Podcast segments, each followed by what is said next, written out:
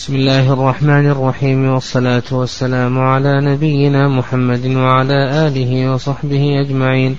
قال الإمام الحافظ رحمه الله تعالى وغفر له ولشيخنا والسامعين وإن روى عمن دونه فالأكابر عن الأصاغر ومنه الآباء عن الأبناء وفي عكسه كثرة ومنه من روى عن أبيه عن جده وإن اشترك اثنان عن شيخ وتقدم موت أحدهما فهو السابق واللاحق وإن روى عن اثنين متفق متفقي الاسم ولم يتميزا فباختصاصه بأحدهما يتبين المهمل. وإن جحد مرويه جزما رد أو احتمالا قبل في الأصح وفيه من حدث ونسي. وإن اتفق الرواة في صيغ الأداء أو غيرها من الحالات فهو المسلسل. بسم الله الرحمن الرحيم. الحمد لله رب العالمين. والصلاة والسلام على نبينا محمد وعلى آله وصحبه أجمعين. تقدم لنا ما يتعلق بالأقران والمدبج وكذلك أيضا ما يتعلق بالعلو وأن العلو ينقسم إلى قسمين علو مطلق علو نسبي. وذكرنا ما يتعلق بهذه المسائل. ثم قال المؤلف رحمه الله وإن روى عمن دونه فالأكابر عن الأصاغر.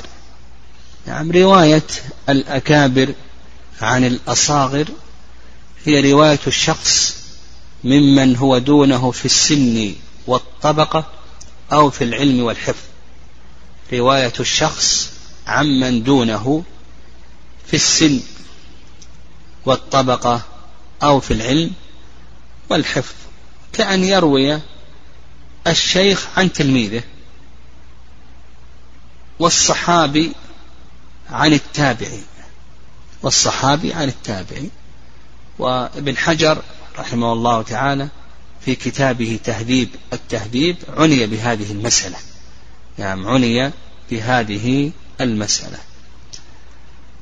والفائدة يعني معرفة أن الشيخ روى عن تلميذه نعم أو روى عن من هو دونه الفائدة من ذلك لكي لا يظن أن في السند انقلابا.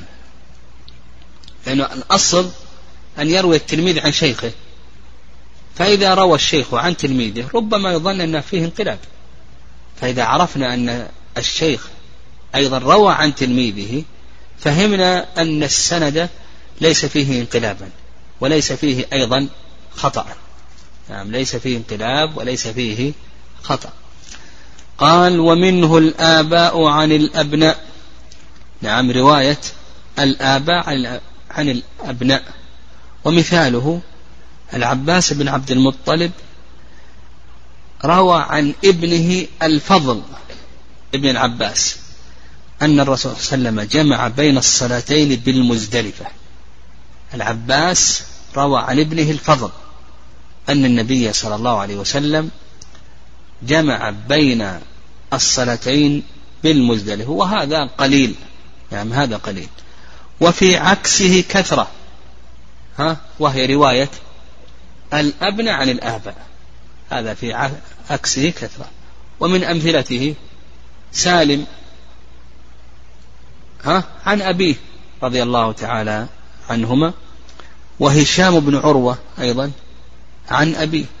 نعم هشام بن عروة عن أبيه. ومنه من روى عن أبيه عن جده. وش مثاله؟ نعم عمرو بن شعيب عن أبيه عن جهد عن جده بهز بن حكيم عن أبيه عن جده نعم آه. نعم آه. و آه. نعم قال وإن اشترك اثنان عن شيخ وتقدم موت أحدهما فهو السابق واللاحق اشترك اثنان عن شيخ وتقدم موت أحدهما فهو السابق واللاحق. السابق واللاحق السابق أن يروي الشيخ عن تلميذه ثم يعمر هذا التلميذ حتى يدركه بعض الصغار فيحدثون عنه بعد زمن طويل.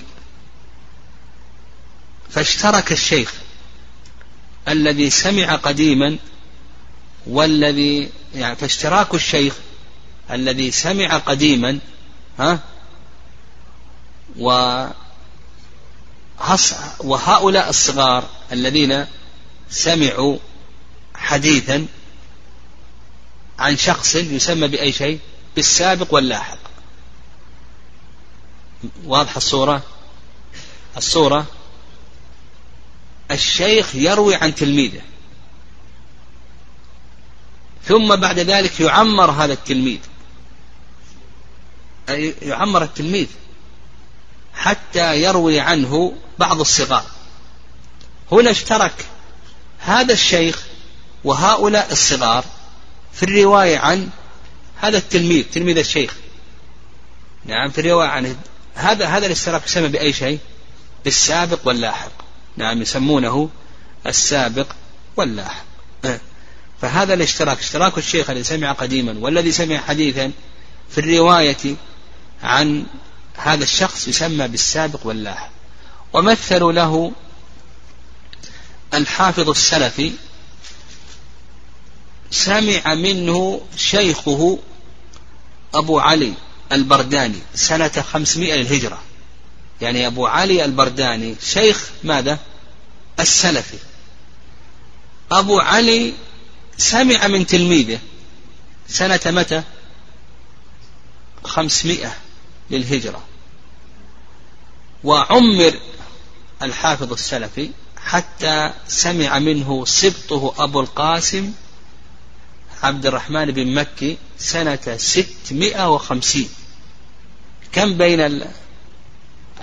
بين الشيخ اللي سمع من التلميذ أبو بين أبي علي البرداني وبين أبي القاسم كم بينهما؟ مئة وخمسون سنة. كلهم رووا عن الحافظ السلفي رحمه الله. نعم. آه. هذا يسمونه بأي شيء؟ السابق واللاحق. قال وإن روى عن اثنين متفق الاسم ولم يتميز فباختصاصه بأحدهما يتبين المهمل يتبين المهمل. هذا يسمى بالمهمل. الإهمال في اللغة الترك وأما في الاصطلاح فأن يروي الراوي عن شخصين متفقي الاسم فقط أو متفقي الاسم مع اسم الأب أو مع اسم الجد أو يتفقان في الكنية.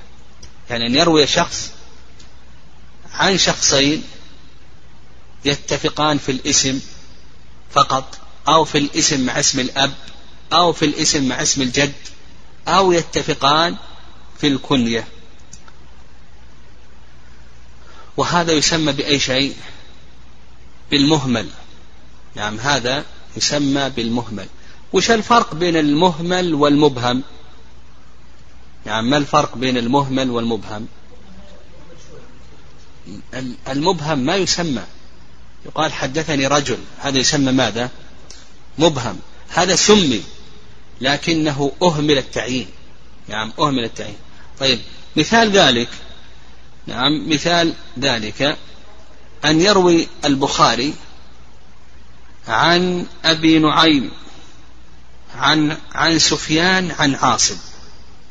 يروي البخاري عن أبي نعيم. أبو نعيم من هو؟ أبو الفضل ابن دكين. ها؟ عن سفيان. من هو سفيان؟ يحتمل أنه الثوري ويحتمل أنه ابن عيينة. هذا يسمى بأي شيء؟ المهمل. نعم. يحتمل أنه الثوري ويحتمل أنه ابن عيينة.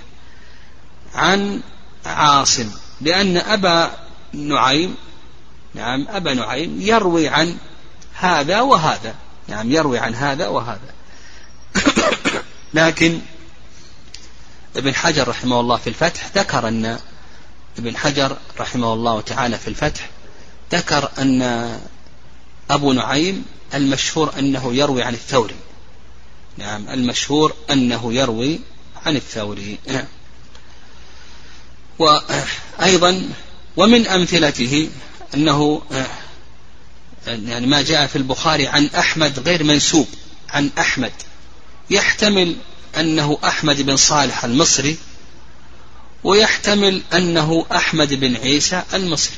يحتمل أنه أحمد بن صالح المصري ويحتمل أنه أحمد بن عيسى المصري. متى يضر الإهمال؟ ها؟ صح إذا كان أحدهما ضعيفا. أما إذا كان كل منهما ثقة فإنه لا يضر الإهمال. لكن يضر الإهمال إذا كان أحدهما ضعيفا قال رحمه الله وإن جحد مرويه جزما رد أو احتمالا قبل في الأصح وفيه من حدث ونسي.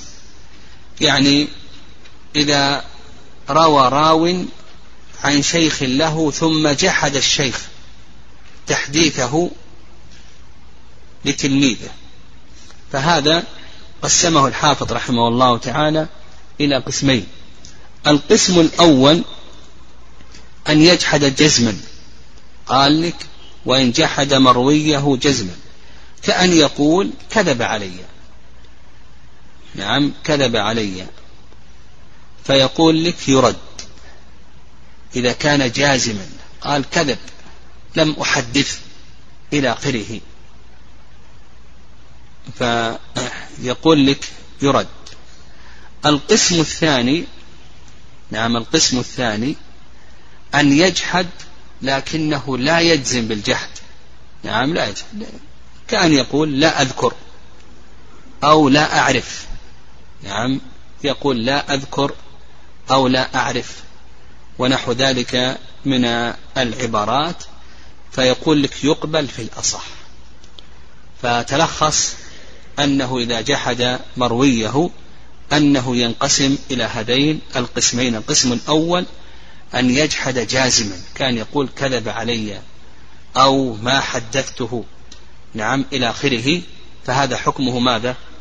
ها؟ حكمه أنه يرد كما ذكر الحافظ. وقال بعض العلماء يتوقف فيه. والقسم الثاني أن يجحده دون أن يجزم. أن يجحده دون كان يقول لا أذكر أو لا أعرف ونحو ذلك فهذا قال لك يقبل في الأصح لأن كل منهما ثقة ربما أنه أن الشيخ نسي نعم ربما أن الشيخ نسي. والله أعلم. وصلى